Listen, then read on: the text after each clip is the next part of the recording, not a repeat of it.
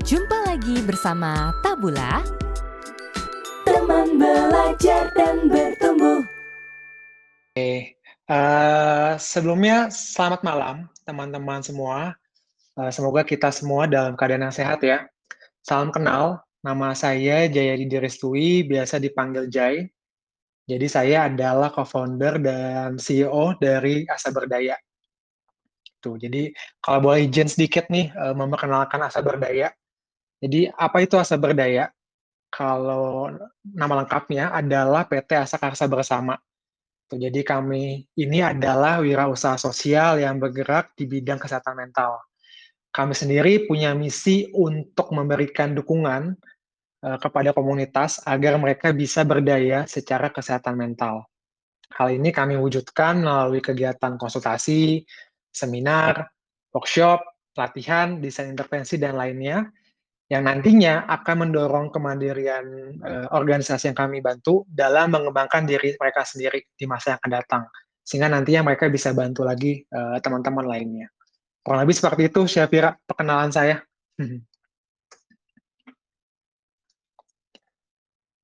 Wah, iya menarik banget ya Kak Jaidi. Nah, uh, mungkin teman-teman udah udah banyak yang tahu ya, hari ini kita akan membahas topik yang menarik banget dan nggak jauh-jauh nih sama kehidupan sehari-hari kita, yaitu tentang decision making. Nah, Kak Jadi mungkin uh, dalam kehidupan kita itu, kita itu uh, pasti selalu diberikan oleh banyak pilihan nih, mulai dari ketika kita bangun pagi, kita ingin melakukan aktivitas, kita akan diberikan pilihan mulai dari ingin makan dulu kah atau mandi dulu kah gitu kan kak? Iya nah, betul. uh, dalam membuat keputusan tuh uh, ternyata kita tuh bisa loh mempelajarinya. Nah untuk tahu lebih dalam lagi bisa aku tanya ke kak jadi kenapa sih kita itu harus membedah decision making ini lebih dalam lagi sih kak? Oke, uh, pertanyaan penting banget ya Safira gitu. Tadi kamu udah sempat mention kalau kita tuh di dalam satu hari tuh buat banyak banget keputusan. Ya, jadi ada penelitian gitu yang meneliti ada berapa banyak sih kita buat keputusan dalam satu hari. Ternyata totalnya itu ada 35 ribu keputusan. Kayak wah banyak banget ya. Terus ada data tambahan dari penelitian lain yang bilang kalau keputusan dalam konteks atau dalam hal makanan aja kita tuh buat keputusan sekitar 200 sampai 300 keputusan di dalam satu hari. Ya kalau kita ambil contoh gitu ya, kita uh, di dalam keseharian kita, misalnya kita bangun tidur, kemudian uh, pas bangun tidur aja tuh kita udah dihadapkan dengan pilihan, ya teman-teman. Ada matiin alarm, kemudian pilih kita bisa tidur lagi, atau kita mau langsung ke toilet, atau kita mau ambil air putih dulu, atau kita mau buka handphone dulu, atau mau beresin tempat tidur atau langsung mandi dan segala macamnya. Ya, kalau kita uh, terus-terusan gitu dalam satu hari uh, memilih gitu di total ya kurang lebih bisa 35.000 keputusan. Nah, pertanyaannya tadi uh, sederhana ya. Gitu. Nah, kita kan buat keputusan sekitar 35.000 dalam satu hari. Terus buat apalagi belajar? Ya kan udah banyak gitu. Nah, sebenarnya uh, kita belajar atau membedah lebih dalam tentang decision making kenapa sih gitu. Ketika keputusannya itu punya dampak yang besar untuk kita dan ketika keputusannya itu punya resiko besar buat kita. Ya jadi kita perlu lebih matang lagi perlu lebih hati-hati lagi ketika keputusannya punya dampak yang besar dan punya resiko yang besar. Ya contoh ini contoh sederhana kalau kita balikin ke dalam kehidupan relasi. Ya misal kalau saya nih suka sama perempuan gitu, ya, suka sama cewek gitu, saya mau ngebet deketin. Nah, itu kan impact uh, dampak sama resikonya tidak gitu besar ya. Deketin gitu, deketin mah deketin aja. Tapi ketika saya memutuskan nih gitu mau pacaran sama dia, gitu itu udah beda lagi tuh. Ya, dampaknya udah lebih tinggi, resikonya juga udah lebih tinggi lagi. Kalau kalau misalnya mau milih dari pacaran mau menikah sama dia, itu lebih tinggi lagi, dampaknya lebih tinggi, resikonya juga makin besar. Ya makanya kalau ngomongin pernikahan itu kan ada pekerjaan-pekerjaan tertentu yang tugasnya adalah membantu kita dalam membuat keputusan terkait pernikahan gitu ya. Ada konselor pernikahan, ada psikolog pernikahan, psikolog relasi, atau misalnya kalau terkait acara tuh ada wedding organizer dan segala macamnya. Ya, jadi Kalau dibalikin lagi gitu, kenapa penting? Ya, Syafira, uh, pertama supaya kita bisa mendapatkan keputusan yang paling optimal. Kedua, supaya kita bisa mengurangi resiko uh, akibat kalau kita nih amit-amit salah mengambil keputusan. Itu sih kurang lebih. Oke, jadi ternyata uh, membuat mempelajari decision making lebih dalam itu sangat penting banget ya biar kita itu terhindar dari resiko yang justru um, menyebabkan diri kita di dalam lingkup yang salah gitu ya kak. Ya nah, betul. Ya. Oke, nah kalau prosesnya sendiri dalam decision making itu seperti apa sih kak cara kita untuk memutuskan sesuatu yang tepat gitu kak? Oke, prosesnya ya menarik banget ya Uh, kalau ngomongin proses, itu, uh, saya coba jabarkan itu dari konsep yang sederhana, jadi yang cukup general sehingga teman-teman tuh bisa pakai gitu ya, terapkan di banyak konteks ya, di banyak, uh, situasi kehidupan gitu. Kalau menurut saya gitu proses decision making itu dalam membuat keputusan itu kita bisa bagi menjadi lima proses, lima langkah. Yang pertama, itu adalah kendalikan diri. Jadi langkah pertama adalah kendalikan diri dulu. Kenapa?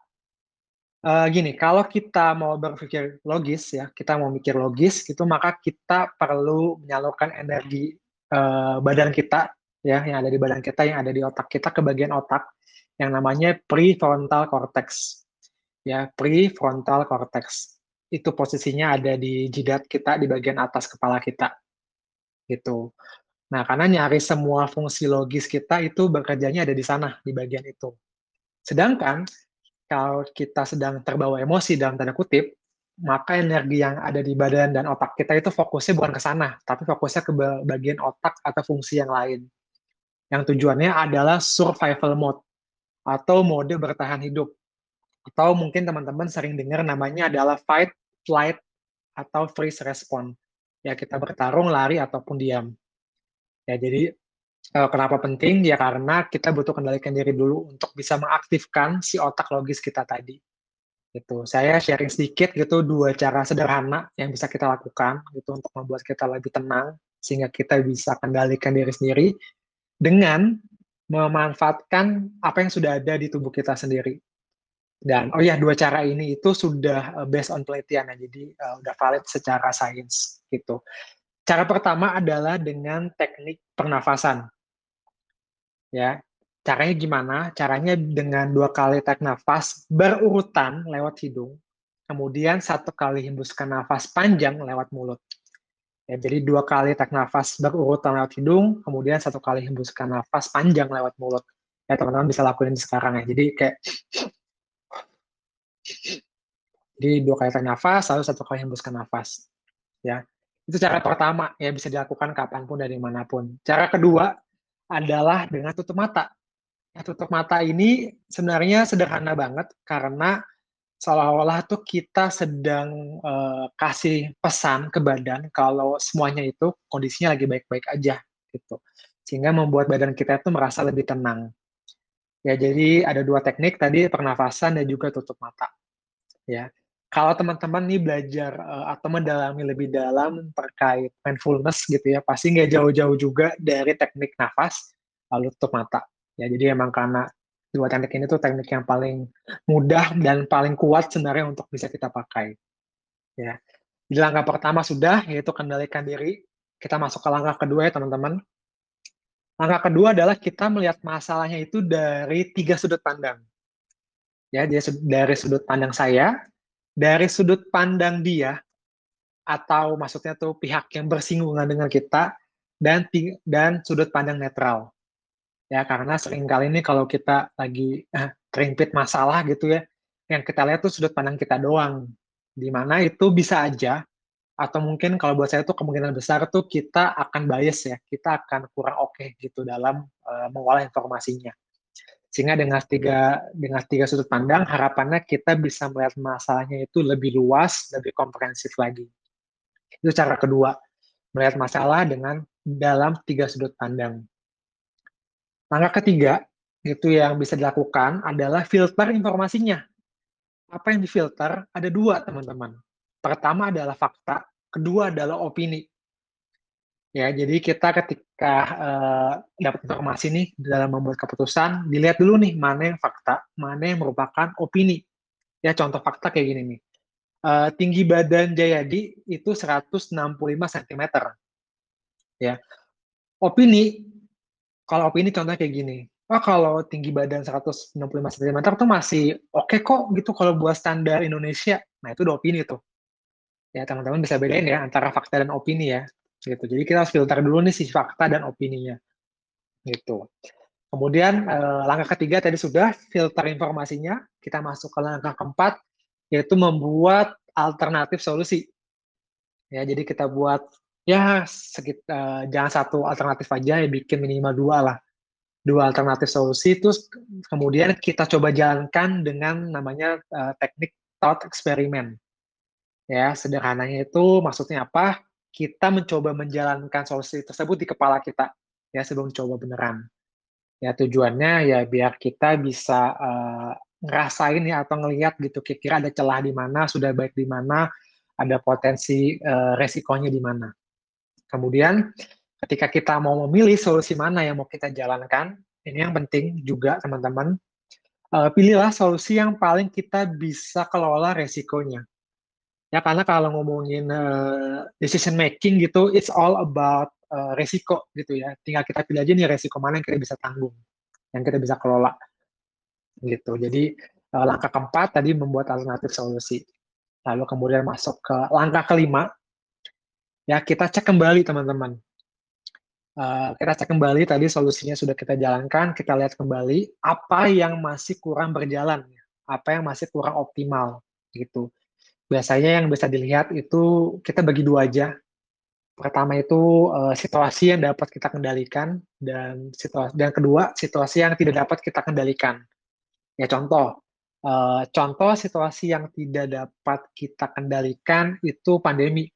Ya kita ibaratnya di tahun 2021 ini udah buat rencana nih. Rencana hidup gitu ya. Mau ini mau ini mau itu gitu. Udah buat setiap bulannya udah udah rapi gitu udah siap dijalankan tiba-tiba covid tinggi lagi nih kayak minggu ini. Ya jadi uh, ya itu tidak bisa kita kendalikan tapi yang kita harus fokuskan adalah hal-hal apa yang kita bisa kendalikan. Ya jadi kita cek kembali kemudian kita fokus terhadap hal-hal apa yang kita bisa kendalikan karena kalau kita pusingin hal yang kita tidak bisa kendalikan ya itu jadi berujung bisa stres ya jadinya ya. Karena gimana cara mengontrol pandemi gitu. Karena pandemi itu faktornya nggak cuma kita sendiri tapi banyak faktor lain ya. Ada kesehatan vaksin dan segala macamnya sebagai contoh. Gitu sih. Jadi kalau saya recap gitu dari pertanyaan uh, Syafira ya kayak apa saja sih proses dalam membuat keputusan? Uh, kalau saya gitu menjabarkannya ada lima. Pertama kendalikan diri kedua kita lihat masalahnya dulu dengan tiga sudut pandang Lalu yang ketiga itu kita melakukan filter informasi, bedakan antara fakta, bedakan opininya. Langkah keempat itu kita membuat alternatif solusinya. Lalu kita pilih aja solusi yang yang paling kita bisa kendalikan atau kelola resikonya. Lalu yang kelima kita cek kembali gitu dan kita fokuskan ke dalam masalah-masalah yang dapat kita kendalikan. Gitu sih uh, Syafira secara uh, sederhananya. Oke oke, ternyata tadi ada lima uh, proses dalam decision making itu sendiri. Tapi gimana sih, Kak, kalau misalnya kita itu lagi dihadapkan dalam situasi yang, um, yang mem uh, yang memaksa kita tuh untuk memutuskan sesuatu dengan waktu yang singkat, dan akhirnya membuat kita tuh justru tertekan nih, sampai tidak bisa berpikir jernih dan tidak bisa, uh, melaksanakan lima uh, teknik dalam uh, lima proses dalam decision making itu. Terus gimana sih Kak caranya?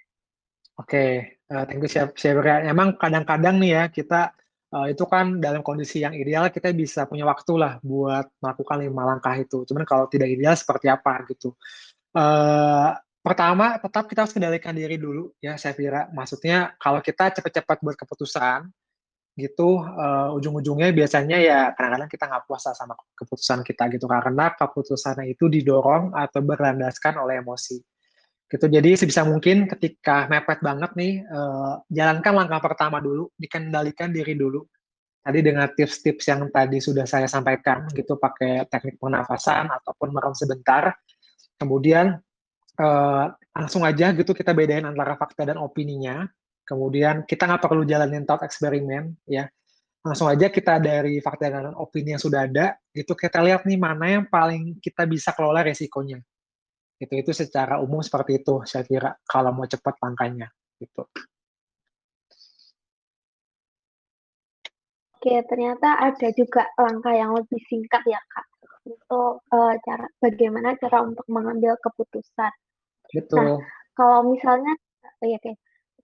Tapi kalau misalnya kita dihadapkan juga nih, misalnya kita udah ngambil uh, keputusan yang menurut kita tuh benar, udah mau udah menjalankan proses proses tersebut, udah uh, berusaha mengevaluasi juga, tapi justru kita masih merasa uh, kayaknya keputusan itu bukan keputusan yang tepat deh, karena kita tuh uh, dihadapkan dalam resiko yang justru merasa menjebak diri kita, lalu juga mempengaruhi orang sekitar kita, dan juga malah membuat orang-orang sekitar kita itu justru menyalahkan atas keputusan yang telah kita buat. Nah, kalau dalam posisi seperti itu kan pasti buat kita justru akan stres banget ya, Kak. Dan akhirnya malah justru menyalahkan diri kita sendiri atas keputusan yang telah kita buat padahal kita itu udah melakukan uh, proses yang tadi Kak Jayadi sebutkan. Nah, gimana sih Kak cara kita itu untuk uh, mengolah pikiran kita untuk menerima atas keputusan kita yang telah dibuat walaupun keputusan itu bukan keputusan yang terbaik lah misalnya karena masih ada uh, resiko yang uh, dibuat gitu. Oke, Syafira. Jadi kalau misalnya uh, kita nih uh, itu kan analog saya uh, nangkepnya itu adalah kalau kita nih sampai amit-amit ya salah membuat keputusan, terus uh, gimana nih ngelola uh, terutama tekanan yang kita terima ya. Makanya kita perlu pahami ya bahwa uh, kalau ngomongin decision making gitu dari teorinya sendiri itu decision making itu bukan proses satu proses ya, bukan one step proses tapi merupakan proses yang berkelanjutan. Ya, ketika kita pahami secara fundamental seperti itu, uh, harusnya gitu kita siap ketika keputusan kita itu uh, ya tidak bisa menyenangkan banyak pihak lah gitu, ataupun bisa nanti kita salah ya. Tapi uh, jangan takut ya untuk kembali lagi gitu, untuk tetap melihat masalah lagi, kita tenangkan diri lagi, kita cek lagi fakta opininya, kita cek lagi solusinya, alternatifnya, dan kita coba jalankan lagi. Ya karena uh, konsep dasarnya decision making itu tentang risiko dan decision making itu bukan proses satu langkah aja tapi merupakan proses yang berkelanjutan. Sehingga kalau misalnya uh, amit-amit nih kita salah, ya kita jangan takut untuk coba lagi gitu. Kecuali kita udah nyerah ya, udah nyerah aja itu beda cerita. Tapi kalau kita masih tetap punya semangat gitu ya buat menyelesaikan masalahnya, kita ya mau nggak mau perlu mengulang lagi prosesnya gitu. Gitu gitu sih Syafira. Oke, uh, selanjut ya teman-teman. Uh, tadi kan saya kira bertanya tentang kalau gimana kita uh, punya tekanan ya, terus kita anggapnya salah memilih gitu, terus apa yang tadi uh, kita salah, apa yang kita bisa lakukan gitu. Tadi saya sudah coba jawab. Saya mau sharing satu hal lagi gitu yang mungkin cukup bisa berguna buat teman-teman. Seperti ini. Jadi apa sih yang kita perlu punyai gitu untuk dapat memaksimalkan decision making kita? Ya, jadi apa yang perlu kita punyai untuk dapat memaksimalkan decision making kita. Ya, sebenarnya gini, itu sebenarnya uh, mengacu ke tools apa, senjata apa, dan tanda kutip yang kita bisa pakai. Uh, tapi sebenarnya kayak gini nih, ketika kita berbicara mengenai tools uh, apa atau senjata apa atau teori apa itu sebenarnya tergantung sama konteks. Maksudnya konteks itu apa? Tergantung pada keilmuan tergantung pada pekerjaan kita. Ya, sebagai contoh, cara berpikir atau decision making tools uh, punya uh, profesi dokter dan psikolog beda. Ya, antara psikolog dengan fisikawan beda. Antara fisikawan dengan uh, teknik mesin engineering beda. Antara engineering dengan pekerja seni juga berbeda. Ya, jadi tergantung sebenarnya tergantung sama konteksnya. Namun saya mau sharing satu konsep yang sebenarnya cukup umum atau cukup general yang dapat kita pakai untuk bisa membantu uh, kita dalam membuat keputusan. Ya, Nama konsepnya itu adalah mental models, ya mental models. Itu apa? Teman-teman bisa cari aja dulu di Google ya, ketik aja mental models, nanti ada banyak tuh contohnya dan apa apa aja. Cuma saya coba jelaskan sedikit. Jadi mental models itu apa?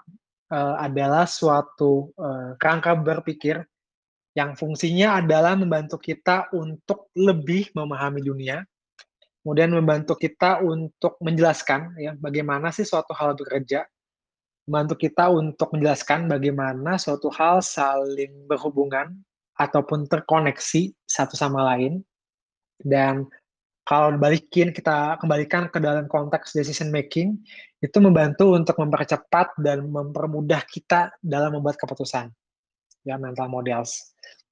Jadi uh, saya sharing sedikit uh, tiga mental models yang saya pegang itu nanti teman-teman bisa cari sendiri di Google.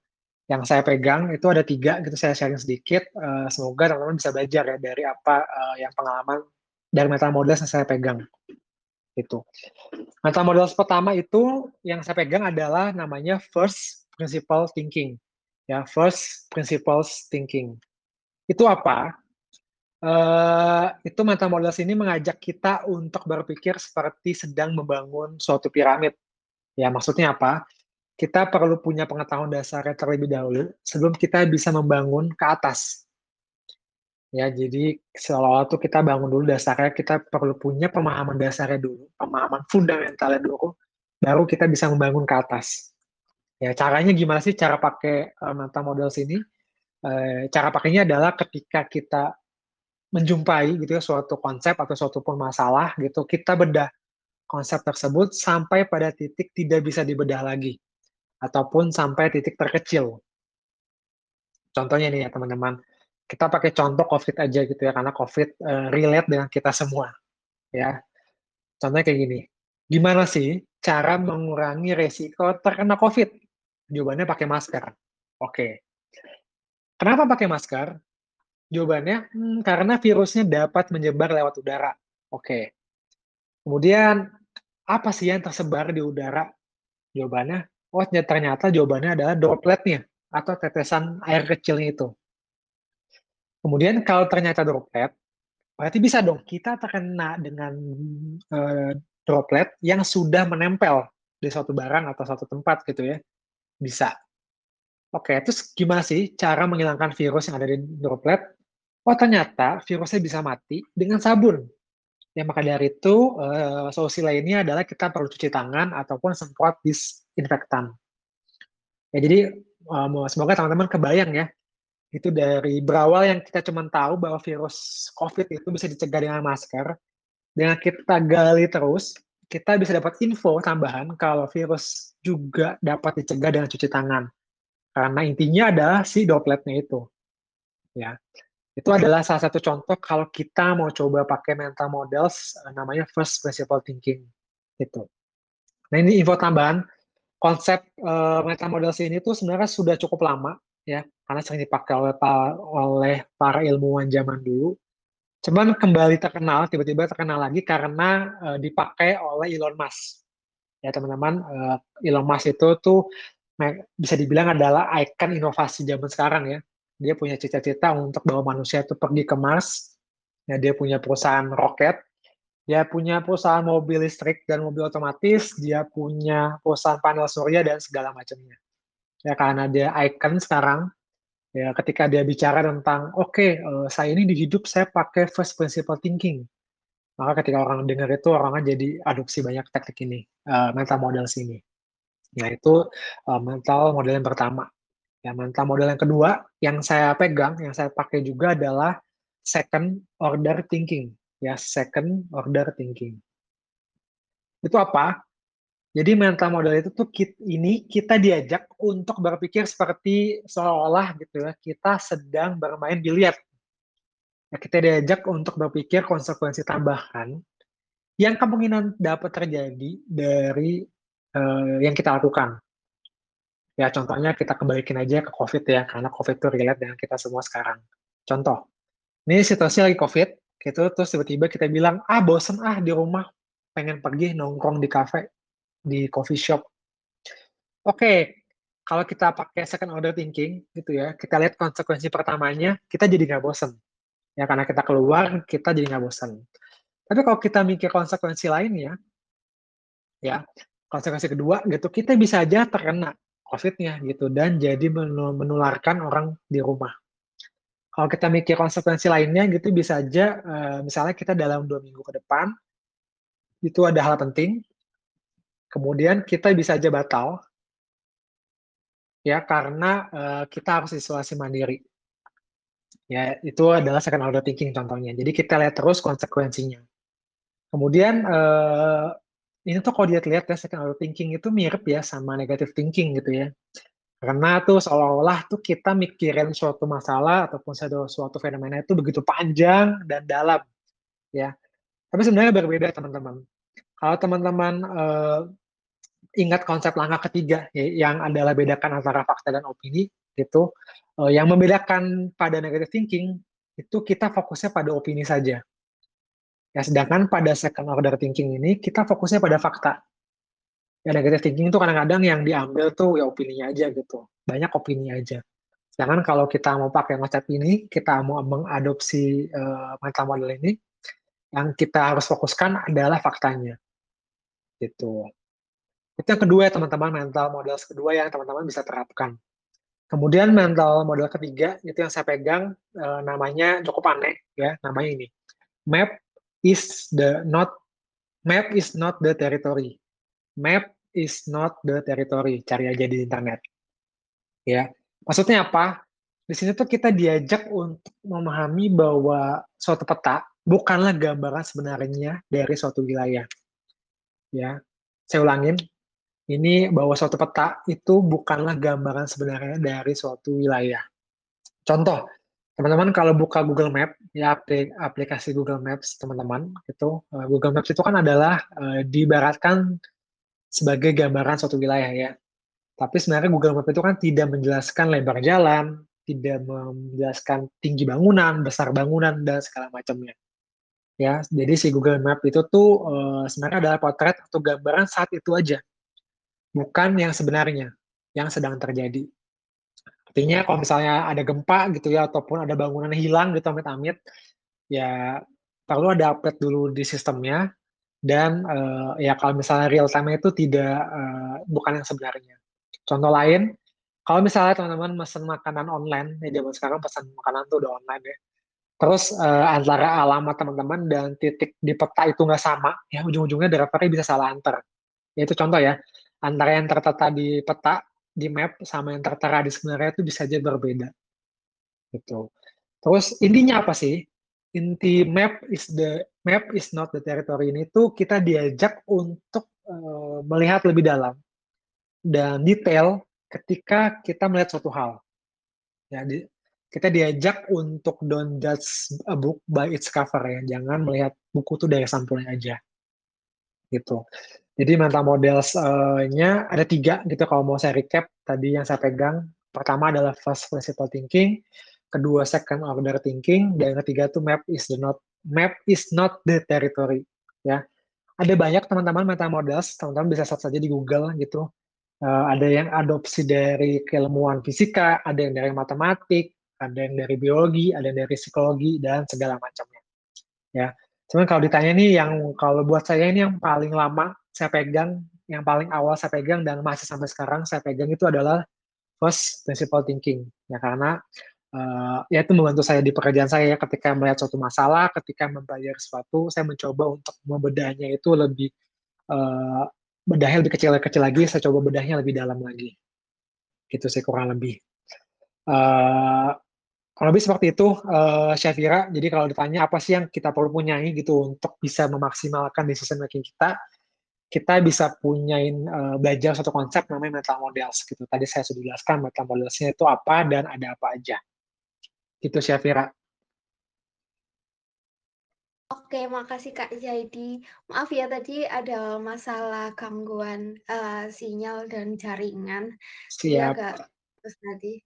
Tadi menarik banget ya uh, kita membahas tentang bagaimana uh, membedah lebih dalam decision making itu seperti apa, lalu prosesnya dan juga cara untuk memaksimalkan decision making itu. Nah, mungkin um, kita, uh, bisa aku buka aja ya kali ya Kak, uh, buat sesi tanya jawabnya dengan teman-teman yang lain. Boleh, boleh.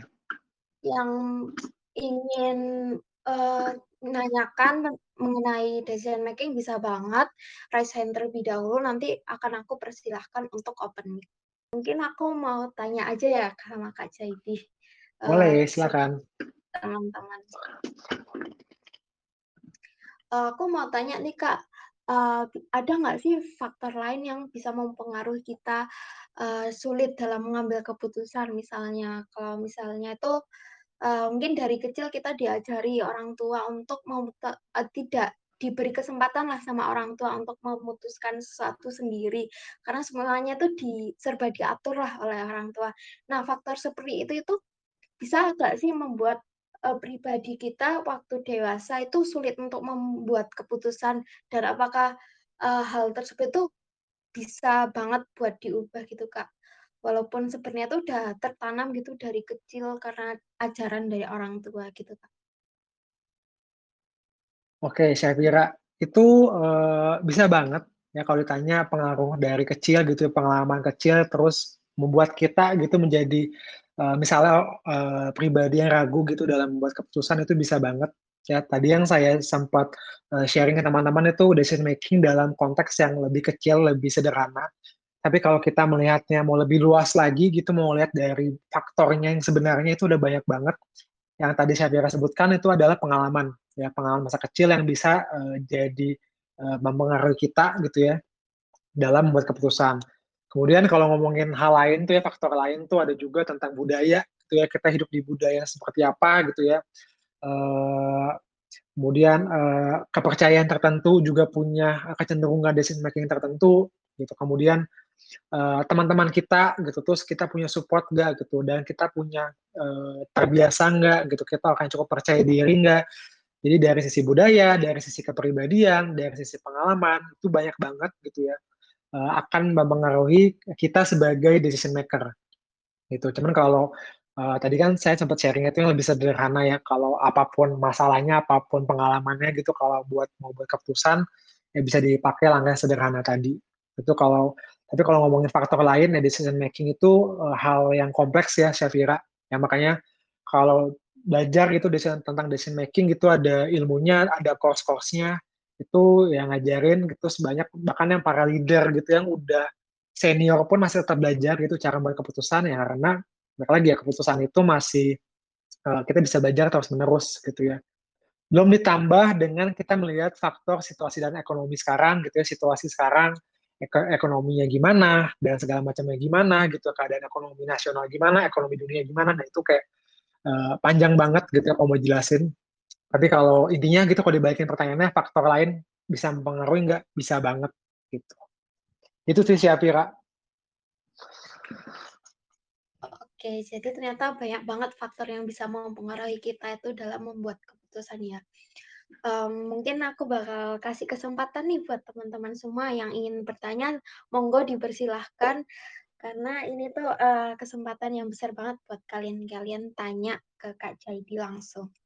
Mungkin kalau misalnya teman-teman malu untuk bertanya melalui mic bisa banget langsung chat ya Kak. Hilang ya tiba-tiba. Mungkin ini uh, ada halo, Kak. Kak. Oh iya ya. Halo, halo. Kak Eril ya. Iya, uh, terima kasih ya sebelumnya atas kesempatan yang diberikan. Uh, Kak, aku mau nanya, uh, ada nggak sih, uh, jangka waktu ideal kita membuat apa sih, decision making gitu? Kan tadi, apa sih, uh, decision making ini tuh, uh, macam-macam ya, Kak, dari yang ringan, sedang, sampai apa, bener sampai yang memang sangat berpengaruh gitu untuk kehidupan kita. Nah, ada nggak sih kayak waktu idealnya uh, kita membuat decision making tuh seperti apa gitu. Terima kasih. Oke, okay, thank you uh, Ermilia uh, pertanyaannya. Jadi pertanyaannya adalah apa sih waktu ideal ya dalam membuat decision making? Ya kalau dari teorinya tuh tidak ada ya jawabannya. Tapi kalau dibalikin ke dalam konsep keselamatan ya kalau keselamatan konsepnya itu gini misalnya decision making tapi uh, taruhannya adalah nyawa nah itu berarti kan secara logika semakin cepat semakin baik. Ya tapi kalau ngomongin terkait uh, oke kalau ngomongin decision making risknya sedang terus impactnya sedang itu berapa lama idealnya? Itu tidak ada si apa si uh, Ermilia ya. Jadi tapi kalau dibalikin ke dalam konteks keselamatan diri gitu uh, jawabannya adalah semakin cepat semakin baik. Itu sih jawabannya Oke, gimana Kak Emilia? Apa jawabannya sudah menjawab? Oh, baik Kak. Terima kasih. Sama-sama. Ya, terima kasih Kak Emilia. Nah, ini ada dua penanya lagi nih. Udah mulai panas ya pada mau tanya. Oke, Siap. mungkin dipersilakan untuk Kak Chan. Selain menunggu Kak Chan, aku akan kasih kesempatan nih untuk Kak Ira untuk bertanya. Uh, baik. Uh, perkenalkan, nama saya Ira. Saya berasal dari Sukabumi. Izin bertanya, Kak. Kan uh, tadi dijelaskan untuk cara pengambilan keputusan itu kan uh, konsepnya ada lima tuh secara garis besar. Terus kan di nomor tiga tuh uh, caranya memfilter informasinya, lihat mana yang fakta dan lihat mana yang opini. Saya sering bingung di antara fakta dan opini itu yang lebih penting tuh yang mana gitu loh. Terima kasih, Kak. Oke, uh, Ira selamat malam ya. Uh, terima kasih udah bertanya. Tadi pertanyaannya adalah di langkah ketiga yaitu filter apa filter informasi itu kan kita membedakan antara fakta dan opini. Mana yang lebih penting? Jawabannya adalah uh, kalau kita mau membuat decision making yang rasional ya, tentu saja fakta yang paling penting. Nah, teman-teman mungkin uh, biar kegambar nih cara bedain fakta dan opini gimana sih? Opini itu biasanya uh, diucapkan atau diutarakan tuh uh, dari sudut pandang orang lain gitu ya, orang tertentu gitu. Itu uh, opini gitu. Kalau fakta tuh ya fakta ya bisa berdasarkan uh, penelitian atau bisa fakta data sebenarnya dan segala macam. Nah, kalau kalau kita mau membuat uh, keputusan yang logis gitu, tentu saja jawabannya adalah fakta. Ya, tapi yang kadang-kadang ya dalam hidup ini kan nggak cuma hal yang logis aja yang kita buat keputusan ya teman-teman. Kadang-kadang kalau uh, contoh nih, uh, baik lagi ke relasi ya, milih pasangan tuh kadang-kadang nggak logis sih gitu ya. Karena banyak opini kita, itu saya nggak apa-apa juga. Ya, tujuannya uh, kenapa dibedain fakta dan opini, itu ya biar kita bisa lebih nggak bias lah, kita biar lebih netral dalam buat keputusan. Tapi kalau kita memilih gitu untuk stay atau pe kita pegang opininya, ya nggak ya tidak apa-apa juga gitu. Terutama ya kalau relasi ya.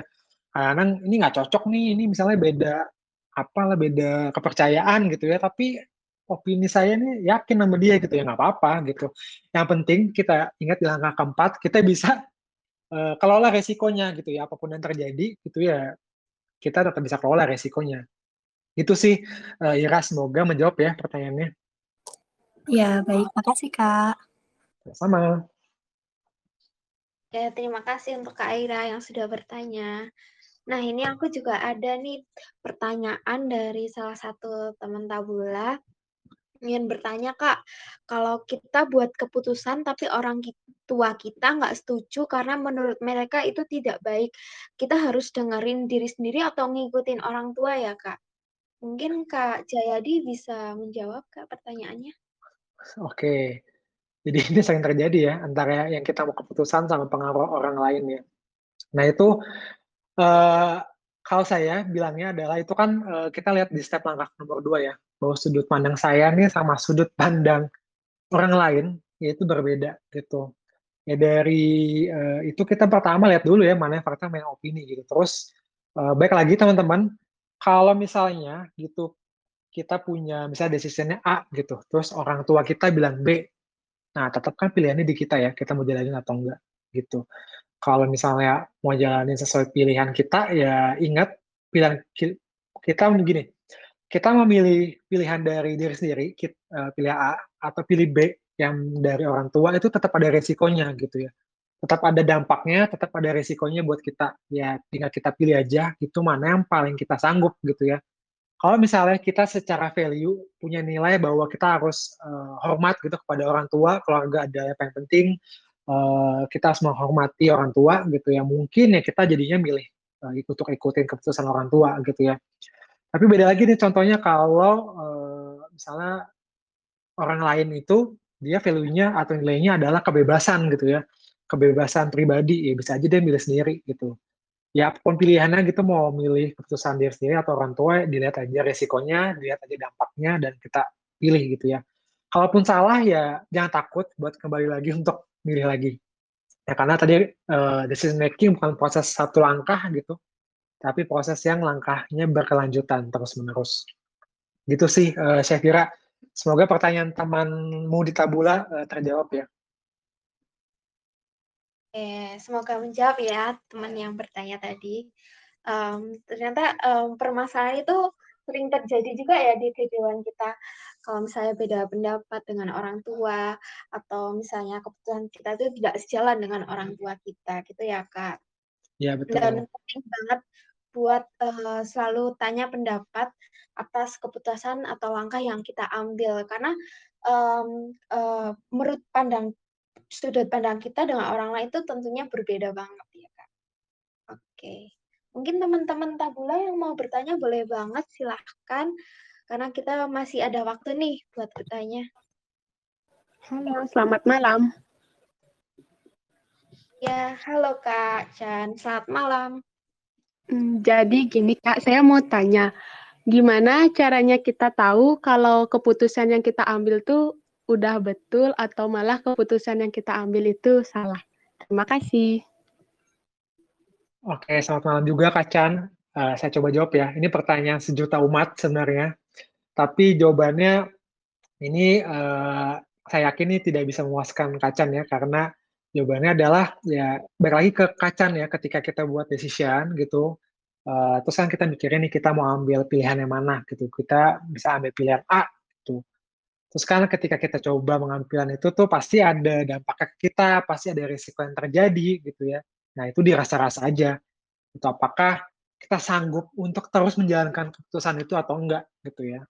Apa, apakah nanti resiko yang terlalu besar, dampaknya terlalu besar, kita nggak terus kita jadi nggak sanggup, ya berarti kita perlu mengkaji ulang keputusan kita.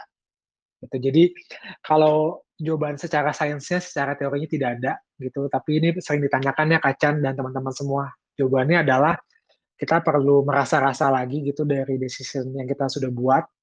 Uh, kita masih sanggup ya gitu untuk menjalankannya. Itu sih kurang lebih. Semoga uh, menjawab ya Kacan. Um, boleh tanya lagi sekali?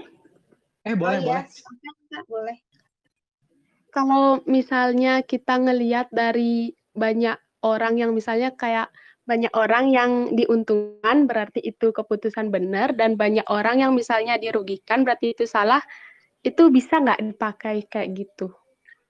Nah, wah pertanyaannya pertanyaannya mantep ya. Itu kan kalau kita kembalikan ke tadi namanya adalah konsep value atau nilai ya nilai pribadi gitu ya. Uh, kita nggak bisa pungkiri bahwa hidup di dunia ini tuh orang punya nilainya beda-beda ya. Ada ada orang yang punya nilai pribadi itu adalah uh, yang penting diri sendiri ya, individualis.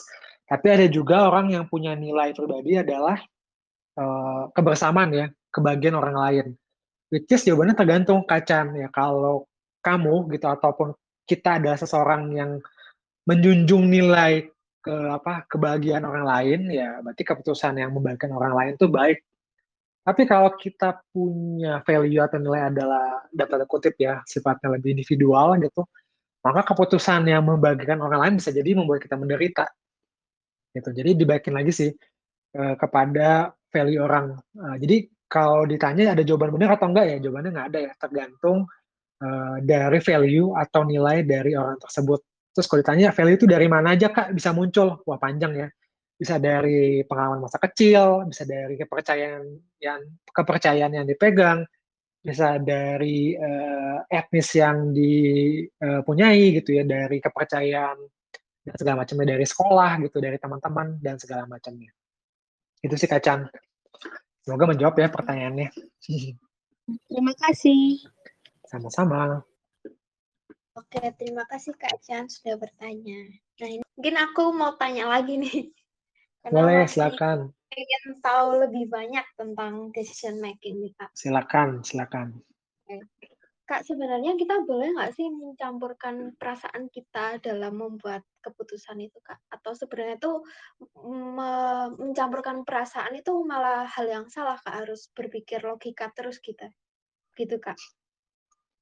Oke, pertanyaan bagus ya. Kalau dari datanya ya, dari data penelitian gitu katanya kita buat eh, ketika kita buat keputusan gitu perasaan tuh punya andil atau punya pengaruh yang besar ya. Tapi gini sih mungkin ki- kalau kita ngomongin perasaan gitu kita perlu tahu ya bahwa perasaan itu enggak selalu perasaan yang netral ya, perasaan yang positif gitu ya. Contoh, kalau kita lagi kesal gitu ya, kita di jalan gitu, terus kita eh, disenggol orang gitu ya, terus perasaan kita apa sih? Kesel ya. Kesel terus pengen berantem aja nih di jalan gitu. Itu kan perasaan tuh ngomongnya emosi ya. Tapi kan bukan emosi yang tepat. Ya, jadi kalau ditanya perlu nggak sih eh, perasaan eh, dikesertakan dalam beberapa konteks? Perlu, ya. Misalnya dalam relasi, memilih pasangan gitu ya, mem- memilih pekerjaan, memilih tetap bertahan atau tidak di suatu pekerjaan dan segala macam tuh ya mungkin bisa melibatkan perasaan lah. Tapi eh, dalam konteks eh, perasaan yang negatif gitu kita juga perlu hati-hati ya, karena perasaan itu juga yang bisa membawa kita ke dalam masalah. Ya kadang-kadang contoh tadi di jalan. Sekarang tuh lagi eh, model karena kita banyak main di media sosial ya, nggak boleh ke mana-mana, berantemnya di media sosial ya. Ada orang komen sedikit, kita berantem gitu. Nanti setelah mereda berantemnya, baru kita sadar nih, kayaknya nggak guna deh tadi berantem, kebawa emosi aja. Nah itu perasaan tuh. Perasaannya mendorong kita untuk mendesain, kita buat keputusan untuk komen balik. Kita buat keputusan untuk, uh, dan tanda kutip tuh, uh, ngatain balik. Ya. Jadi uh, kalau jawabannya tuh baik lagi ini jawabannya mungkin tidak memuaskan ya, tidak ada jawabannya ya atau tidak gitu, tapi jawabannya adalah kudu hati-hati. Ya perasaan yang negatif itu bisa membawa membawa kita ke dalam masalah, tapi perasaan yang positif justru mungkin ya bisa membawa kita kepada desisi yang benar. Ya contoh baik lagi tadi ya tentang relasi ya. Kalau misalnya dari fakta yang ada nih nggak cocok nih, susah nih. Dia beda kepercayaan, beda apa, beda apa, rumah jauh gitu ya. Uh, orang tua mungkin tidak tidak setuju faktanya, tapi kalau kita punya opini, kita punya uh, emosi yang kuat tentang dia, bisa aja itu kita jadikan uh, best keputusan kita. Itu sih, saya kira. Oke, jadi ternyata perasaan tuh juga bisa ya uh, uh, untuk jadi pertimbangan dalam membuat keputusan. Tapi kita harus lihat dulu apakah perasaan itu negatif ataukah positif. Kalau justru perasaan itu adalah perasaan negatif, justru akan uh, membuat kita, kita membuat keputusan yang salah, gitu ya kak? Ya betul, saya kira. Oke, nah ini ada lagi nih satu penanya lagi, silahkan. Oke. Halo, selamat malam. Iya, selamat malam. Selamat malam. Uh, uh, kakak, saya ingin bertanya, terkadang kan kita sudah membuat keputusan dengan yakin. Nah, setelah kita telah menjalani keputusan pilihan tersebut, ternyata ada perasaan menyesal. Nah, untuk solusinya bagaimana untuk saat perasaan menyesal itu datang, apakah ada solusi dan saran gitu, Kak? Oke, terima kasih pertanyaannya. Uh, Mas Nur ya, saya panggilnya Mas Nur aja ya. Iya, Kak. Oke, jadi tadi pertanyaannya ketika kita udah buat keputusan, terus kita menyesal. Nah, itu kan berarti ada sesuatu ya, berarti kan ada dampak yang terjadi tuh di kita. gitu. Jadi, uh, kita lihat sebenarnya yang kita bisa lakukan, Mas Nur, adalah dilihat lagi, apa sih yang uh, Mas Nur gitu sesalkan gitu ketika keputusan sudah dibuat. Sekali lagi ya, pasti nanti nggak jauh-jauh tuh hubungannya dengan value-nya atau nilai Mas yang yang Mas Nur pegang ya. Kalau tadi saya contoh ini misalnya uh, saya orangnya individual gitu ya, tapi saya milih keputusan yang uh, menguntungkan orang banyak gitu. Ya mungkin di dalam perjalanannya ketika keputusannya itu diambil, uh, saya jadi menyesal gitu. Ya bisa aja. Ya ataupun mungkin faktor lain ya ternyata keputusan kita itu merugikan orang banyak gitu atau nyusahin orang lain ya itu bisa juga jadi penyesalan. Jadi ketika kita buat keputusan, terus muncul perasaan menyesal, kita bisa lihat lagi tuh keputusannya sudah oke okay atau belum. Ya, kita bisa balik lagi tuh ditelaah lagi keputusannya, dilihat lagi fakta opininya, kemudian ya, kita buat alternatif solusinya, kita pertimbangkan lagi resikonya, dan kita ya buat lagi keputusannya. Ya, karena prinsipnya jangan takut buat balik lagi gitu ya, untuk menelaah gitu, karena keputusan bukan bukan sekali aja gitu ya, bukan one step proses, tapi merupakan proses yang berkelanjutan. Gitu. Oke, bagaimana Kak Nur? Apa jawabannya sudah menjawab dari pertanyaannya? Iya kakak, sudah lumayan. Terima kasih banyak. Sama-sama Mas Nur. Oke, terima kasih ya Kak Nur. Nah, berhubung sudah mau jam 8 nih Kak, uh, mungkin sesinya bisa aku tutup ya Kak? Oke. Oh iya, mungkin aku mau terakhir aku mau berterima kasih banyak pada teman-teman semua yang sudah bersedia hadir untuk mengikuti sesi Tabula Talks malam hari ini dan juga aku mau berterima kasih juga kepada Kak Jaidi yang sudah bersedia menjadi narasumber kita, sudah bersedia meluangkan waktu waktunya juga nih buat sharing-sharing uh, ilmu-ilmu dari Kak Jayadi sendiri. Thank you. Ya mungkin sekian ya dari aku. Mohon maaf jika ada ke kesalahan kata.